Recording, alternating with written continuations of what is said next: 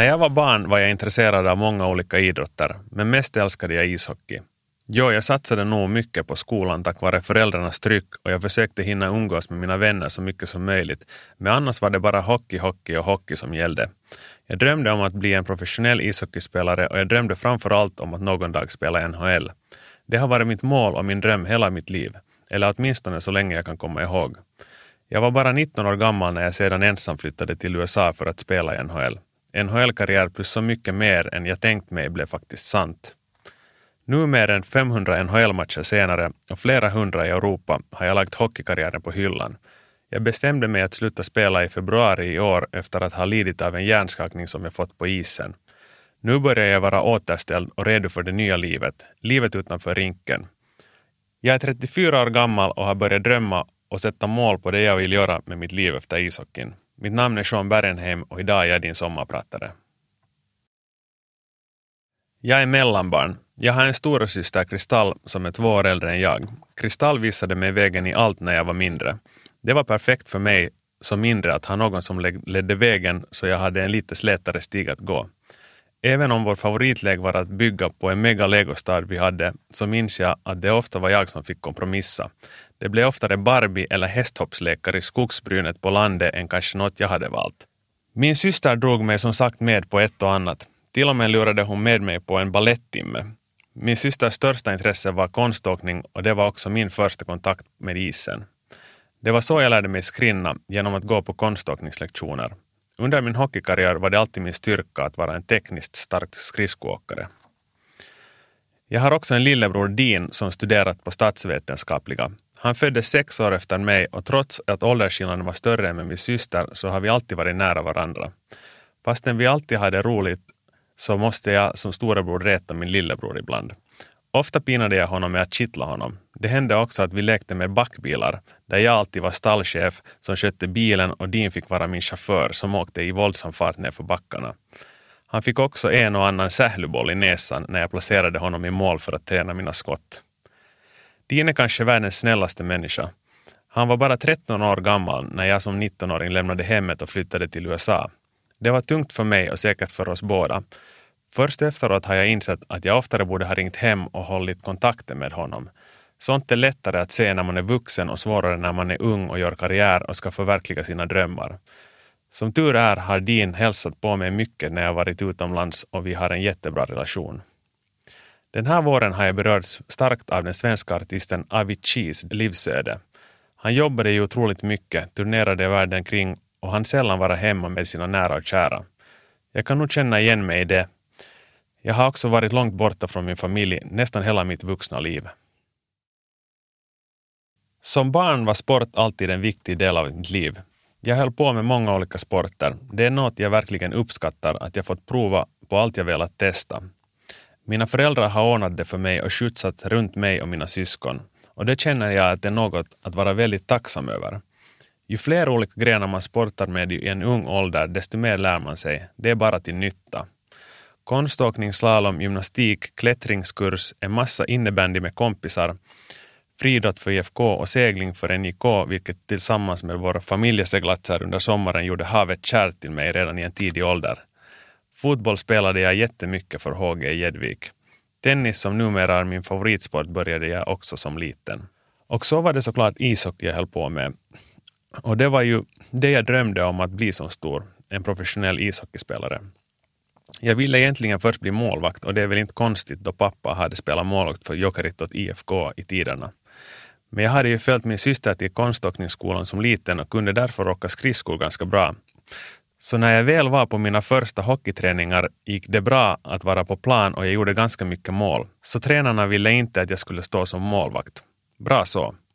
Första uttagningarna för juniorlandslaget var i 15-årsåldern med ett läger som kallas Pohjola-leiri, där jag vann mål och poängligan ganska överlägset och blev vald till min årsklass bästa spelare.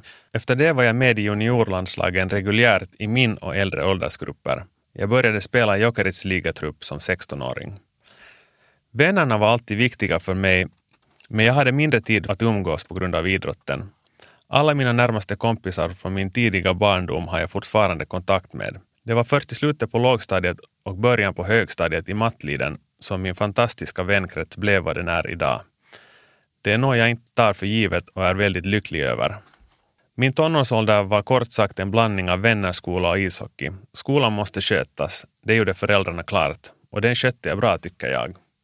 Jag hoppade över sjätte klassen, läste den under en tre månaders tid med hjälp av Vinningens skola och tillsammans med min lågstadie flickbästis Bello. Högstadiet gick jag ut med 8,9 som medeltal i läsämnen om jag kommer rätt ihåg, men i gymnasiet började idrotten ta så mycket tid att skolan led lite grann. Student skrev jag med helt okej papper utan att egentligen ha gått i skola så mycket de sista åren på grund av att jag blivit proffs. Någon fest deltog jag i nu och då när det fanns en lucka i schemat. Som tur hade vårt gäng så roligt i skolan i mattliden att jag ändå hängde med i vad som hände under vännernas fritid. Då hockeykarriären i princip började med Jokerit som 17-åring hade jag varit så gott som överlägsen i min åldersgrupp. Men jag säger inte det för att skryta. Olika spelares karriärer går i olika takt. Jag hade svåra år framför mig.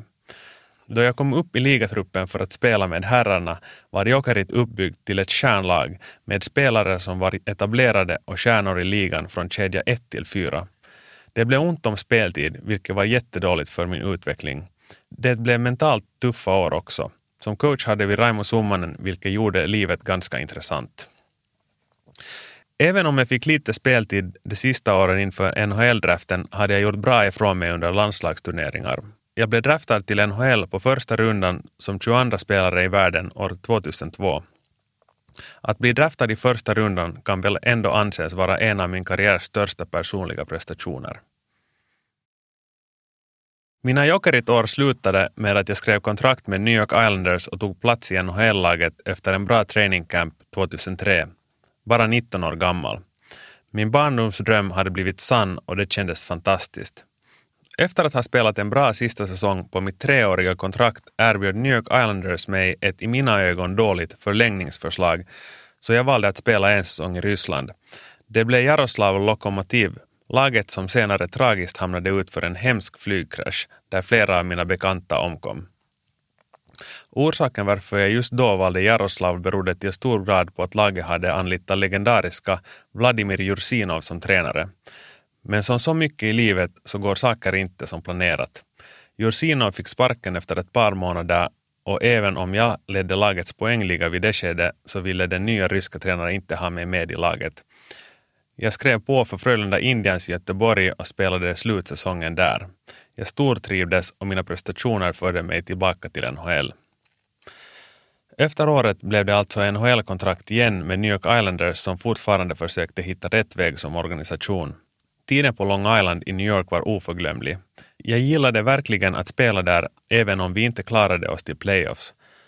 Tack vare Finnars direktflyg till New York kom dessutom familj och vänner och hälsa på. Jag började kalla vårt hus för Hotel Bergie Inn. Då en gäst stack hem kom en annan. Det gjorde hemlängtan lättare för mig. Efter New York Islanders skrev jag på för Tampa Bay Lightning. Året med Lightning blev det bästa i min karriär. Inte statistiskt, men som minne av vad det gjorde för min karriär. Vår coach Guy Boucher var en coach utöver det vanliga på sättet han ledde och motiverade sitt lag. Det jag är mest ledsen över angående min karriär är att vi inte vann med det laget vi hade i Tampa. Steven Stamkos, Vinny Cavalier, Martin St. Louis var alla spelare som ledde laget med exempel utan att vara egoister. Alla hade en klar roll i laget och alla behandlades som lika viktiga. I playoffs var vi i konferensfinalen mot Boston. Jag personligen spelade den starkaste hockeyn i mitt liv, ledde NHLs skytteliga i playoffs, men en ljumskskada stoppade mig att spela sjunde och avgörande matchen mot Boston. Matchen förlorade vi på övertid 1-0. Vi kom alltså ett enda mål från Stanley Cup-finalen. Boston fortsatte och vann sist och slutligen Stanley Cup. Ännu idag funderar jag ibland om jag ändå borde ha spelat den där matchen. Hade det slutat annorlunda? Å andra sidan kunde jag inte ens gå, så det är väl helt onödigt att spekulera. Under året i Tampa hade jag sugit upp så mycket kunskap som bara möjligt av dessa fantastiska, underbara lagkamrater, coacher och ledare. Också flickorna, eller flickvännerna och fruarna hade en speciell grupp det året. Vi var verkligen en stor familj. Jag blev bra kompis med Dominic Moore som var min center under playoffs. De bodde på samma område som vi i Tampa och Vilma blev bästa vän med hans fru Katie. Katie var en sportig flicka, en fin person med en positiv utstrålning. Året efter blev hon sjuk. Det var en ovanlig cancer hon hade, i levern. Strax före nyåret 2013 fick vi telefonsamtal att Katie inte har länge kvar. Jag och Vilma flög till Boston för att ta farväl. Det var en av de tuffaste sakerna jag har varit med om. Hur stöder man sin kompis? Vad säger man till Katie? Hur stöder jag Vilma som mister sin bästa vän? Jag glömmer aldrig min fru Vilmas farvälkyss till sin bästa vän och hur hon kämpade sig ut ur rummet men sen totalt bröt ihop i gråt utanför. Livet kan vara så orättvist ibland. Efter året i Tampa hade jag skrivit ett fyraårskontrakt med Florida Panthers. Vi bodde de första två åren i Parkland där vi hyrde Olli Jokinens hus då han spelade för Winnipeg Jets.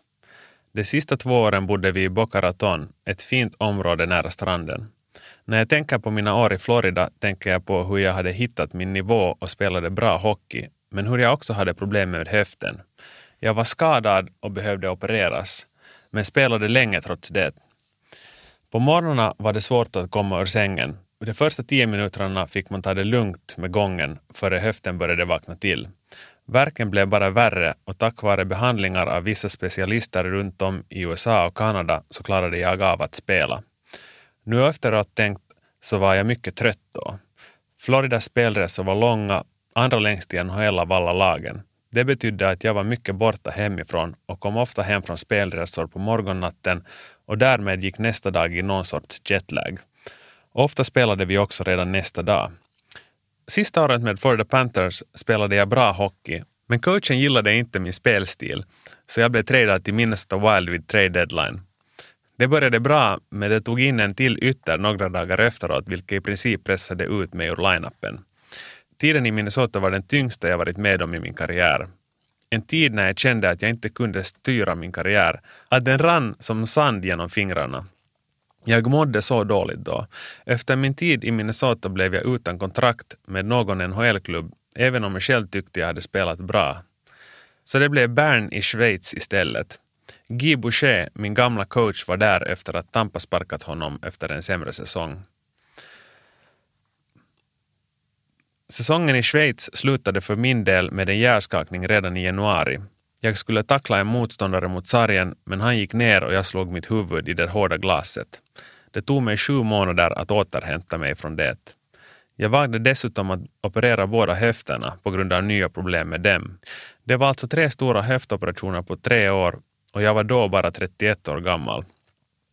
Jag blev i skick just i tid att delta på Anaheim Ducks training camp på en så kallad tryout i september 2016. Tryouten gick jättebra, kroppen kändes bra och spelet lika så, men jag slog min armbåge illa i isen så den fylldes som en ballong. Jag spelade en match efter det, men det gjorde det svårt att få kontrakt för det visste att jag skulle behöva fyra till sex veckors rehabiliteringspaus just vid början av säsongen. Är det någon som försöker säga mig någonting, tänkte jag då. Jag hade haft så mycket skador och otur vid det skedet. Jag funderade ifall det var dags att lägga av. Kanske min kropp hade gett allt den hade att ge. Mitt spel hade ännu känts så bra under tryouten att jag ville ännu ge min karriär en chans i Europa. Vid det skedet insåg jag att NHL-drömmen var över och det kändes helt okej. Okay. I det skedet hade jag redan spelat över 500 matcher i NHL. Jag tittade tillbaka på min karriär och kände att jag vill uppleva Göteborg och Frölunda Indians igen, för det otroliga fansens skull. Frölunda hade dessutom varit det bästa klubblaget i Europa i flera år. Jag måste vara tacksam för att jag har kunnat välja och haft intresse av de bästa klubbarna i Europa, Bern och Frölunda Indians. Tanken var att sedan kanske sluta karriären hemma i Finland med IFK.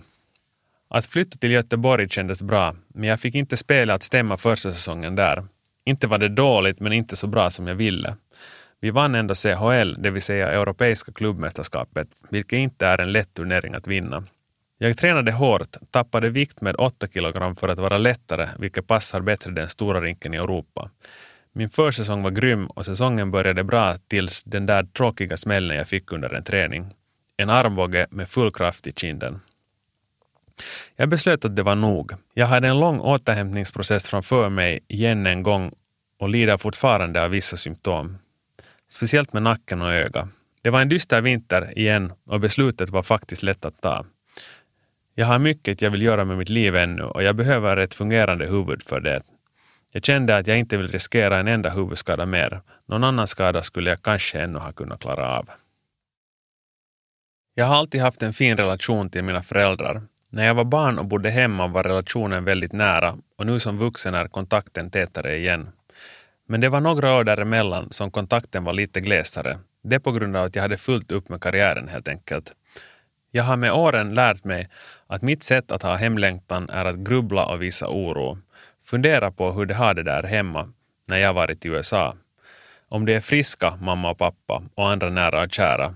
Och om de lever tillräckligt hälsosamt. Jag har grubblat och funderat över att de åldras. Och kanske har jag varit på sätt och vis lite jobbig med allt mitt grubbel. Men det är som sagt bara mitt sätt att visa att jag bryr mig, att jag saknat dem. Jag är en funderare och perfektionist. Jag vill gärna ta saker i egna händer och se till att det blir rätt, styra och ställa. Men jag har med åren insett att vissa saker i livet kan man inte styra och det är lönlöst att oroa sig över sånt. Det som ska ske, det sker. Min pappa var väldigt engagerad i alla de idrottsgrenar jag var intresserad av som barn och det har gjort att vi har spenderat otroligt mycket tid tillsammans. Det har gett oss en speciell och stark relation. Min pappa höll som yngre på med bland annat friidrott och havskappsegling och så spelade han ju också ishockey som målvakt i Jokerit och Helsingfors IFK. Min pappa var och är en gourmetkock. Det var oftast han som gjorde maten hemma hos oss till vardags. När det blev fest, födelsedagskalas eller jul så såg både mamma och pappa till att borden var överfyllda med underbar mat. Och jag gillade mat som liten. Som en kompis pappa sa när han såg mig efter flera år. Du har vuxit. Senast jag såg dig var du lika bred som lång. Också min kära mamma har alltid varit en aktiv människa och hållit på med flera sporter. Som yngre sysslade hon med tävlingssegling och har också tävlat på VM-nivå i 470-klassen. Hon höll dessutom på med friidrott och slalom. Hon är en stark person, en mamma vi barn kan vara stolta över.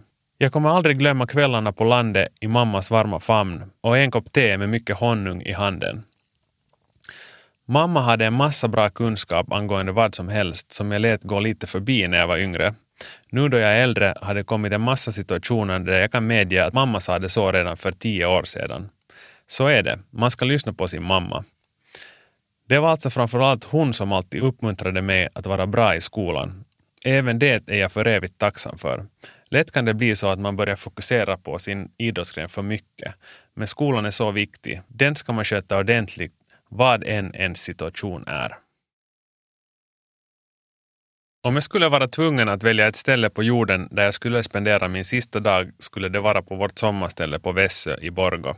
Jag har spenderat oförglömliga somrar där med vattensport, knäppistävlingar och en massa sport på tennisplanen tillsammans med familj och kusiner. Det var mina farföräldrar Holger och Doris som skaffade vårt sommarställe på 60-talet. Jag hann tyvärr aldrig träffa dem. De dog båda flera år innan jag föddes. Tack vare många berättelser av farbror Totti och min pappas andra syskon har jag ändå tydliga bilder av dem. Det har alltså talats mycket om farmor och farfar och på det sättet förblir ju de döda nästan levande. Släkten Bergenheim härstammar från Värmland i Sverige, men min farfar föddes i Karelen år 1907. Han började sitt liv som börsmäklare och var på väg att bygga upp en förmögenhet när börskraschen kom på 30-talet och han blev helt bankrutt. Men med Sisu återhämtade han sig. Holger blev VD för ett tjugotal olika företag inom läkemedels och kosmetikindustrin och gjorde en fin och lång karriär inom utrikeshandeln och fick titeln bergsråd. Vid något tillfälle däremellan grundade han MTV. Han hade sitt stammisbord på restaurang Savoy där han satt i hörnet med sina gäster, sin cigarr och ett glas whisky som han balanserade på sitt huvud då han förivrade sig. Min farmor Doris, som kallades Duje, var född gryn och kom från släkten som ägde bryggeriet Mallasjuoma. En rolig historia gällande det. Då min pappa i sin ungdom sysslade med havskappsegling behövde han sponsorer och vände sig till släktens bolag. Bryggeriets mest kända ölmärke hette Lahden Ykkönen, men de finska alkohollagarna satte stopp för det. Så fick en båt inte heta, så de döpte båten istället till Suomen Lahden Ykkönen och mycket riktigt, båten vann finska mästerskap. Som sagt, jag träffade aldrig mina farföräldrar, men mina morföräldrar har jag haft desto tätare kontakt med. De lever ännu idag. Morfar Henrik har redan fyllt 95 år och mormor Bejan närmar sig 90-strecket. Ännu för några år sedan seglade de tillsammans omkring i skärgården. Vilka förebilder det är. Som barn var vi ofta hos dem. Jag älskade att övernatta där. Bastu, badkar, kvällssaga i morfars famn, kvällsmål och övernattning i båtsängen. Båtsängen var helt enkelt två madrasser som lades på golvet och så byggdes det om till en liten kajuta där man fick sova. Alla som någon gång sovit i en båt vet hur mysigt det är. Hos morfar och mormor kunde man sova i båtsängen, mitt på torra land i Grankulla. Före nästa låt ska jag berätta om ett bröllop som jag var på för några år sedan.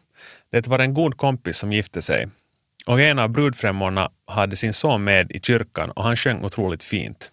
Hela kyrkan tystnade när han tog sina första toner.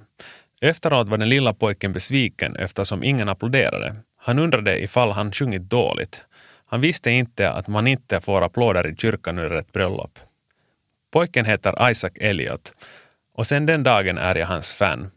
Idag har han vuxit till sig och jag är glad att få spela upp en låt där han sjunger tillsammans med en annan från bekantskapskretsen, Mikael Gabriel.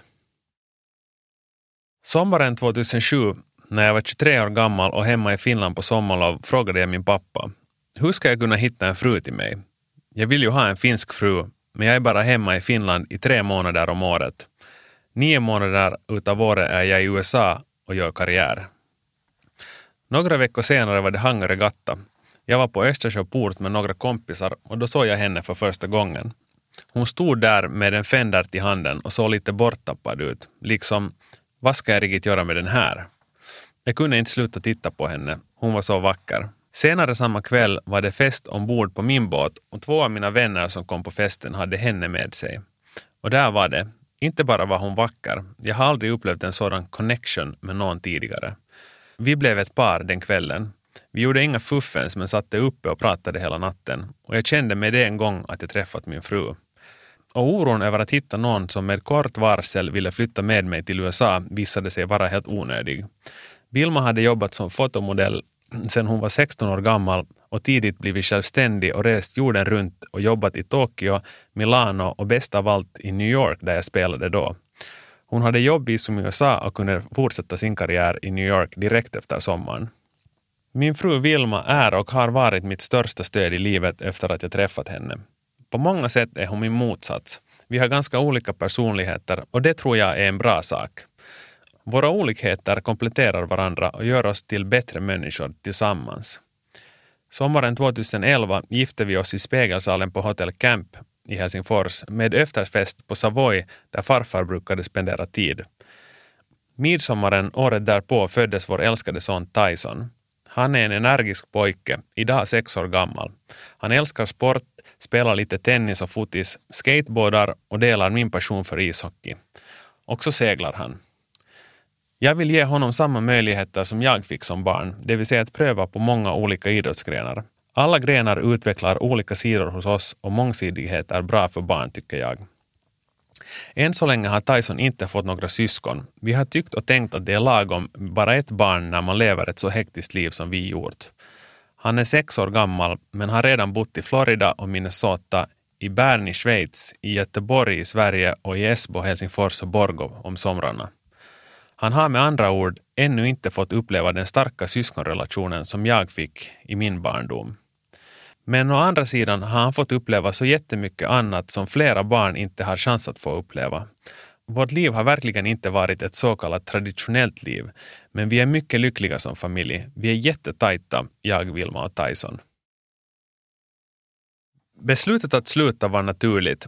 Jag vill aldrig mer gå igenom en hjärnskakning. Att återhämta sig från dem har varit i mina fall långa och dystra tider jag hade fått nog av alla skador jag fått av att spela hockey och till slut kom gränsen emot. Jag ville inte riskera mer även om jag fortfarande älskar att spela hockey. Jag är på inget sätt bitter på hur det slutade. Smällar hör till hockeyn och ishockeyn har gett mig så mycket så att det lätt uppväger det tråkiga man har upplevt. Vi funderade länge på ifall vi som familj skulle flytta tillbaka till USA då vi har lägenhet i Miami. Jag har egentligen bott hela mitt vuxna liv i USA och jag vet jag alltid kommer sakna livet där. Det finns en positiv mentalitet hos amerikanerna och alla människor är så öppna och obekanta pratar med varandra.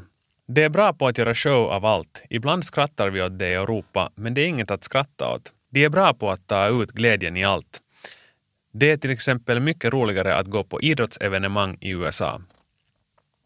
Men vi har länge varit borta från Finland och det känns rätt att nu flytta hem och vara nära familj och vänner. Till USA kan vi åka härifrån när det känns så och man har chans till det. Vi kommer absolut hålla kontakten dit. Jag har under min hockeykarriär varit relativt aktiv med olika jobb vid sidan om. Man kan väl inte kalla det en fulltidsjobb då hockeyn tagit det mesta av tiden. Men nu är det dags för det nya och jag ser verkligen fram emot det. Jag kommer fortsätta inom fastighetsutveckling som jag hållit på med redan en tid och dessutom göra tv-jobb inom ishockey. Det till att börja med. I det stora hela tycker jag att man ska hålla sig till det man har passion för. I mitt fall betyder det att jag säkert kommer hålla mig i branscher inom hälsa, sport, fastighet och med en viss reservation politik någon gång i framtiden. Every end is a new beginning, säger det. Och det är precis så jag tänkte efter jag slutat. Här kommer min sista låt av killarna i JVG som jag har träffat ett antal gånger. Jag älskar att se dem uppträda. De har en smittande positiv energi då de är på scen. Mitt namn är Sean Bergenheim och idag har jag varit en sommarpratare. Jag önskar er alla en underbar fortsättning på sommaren.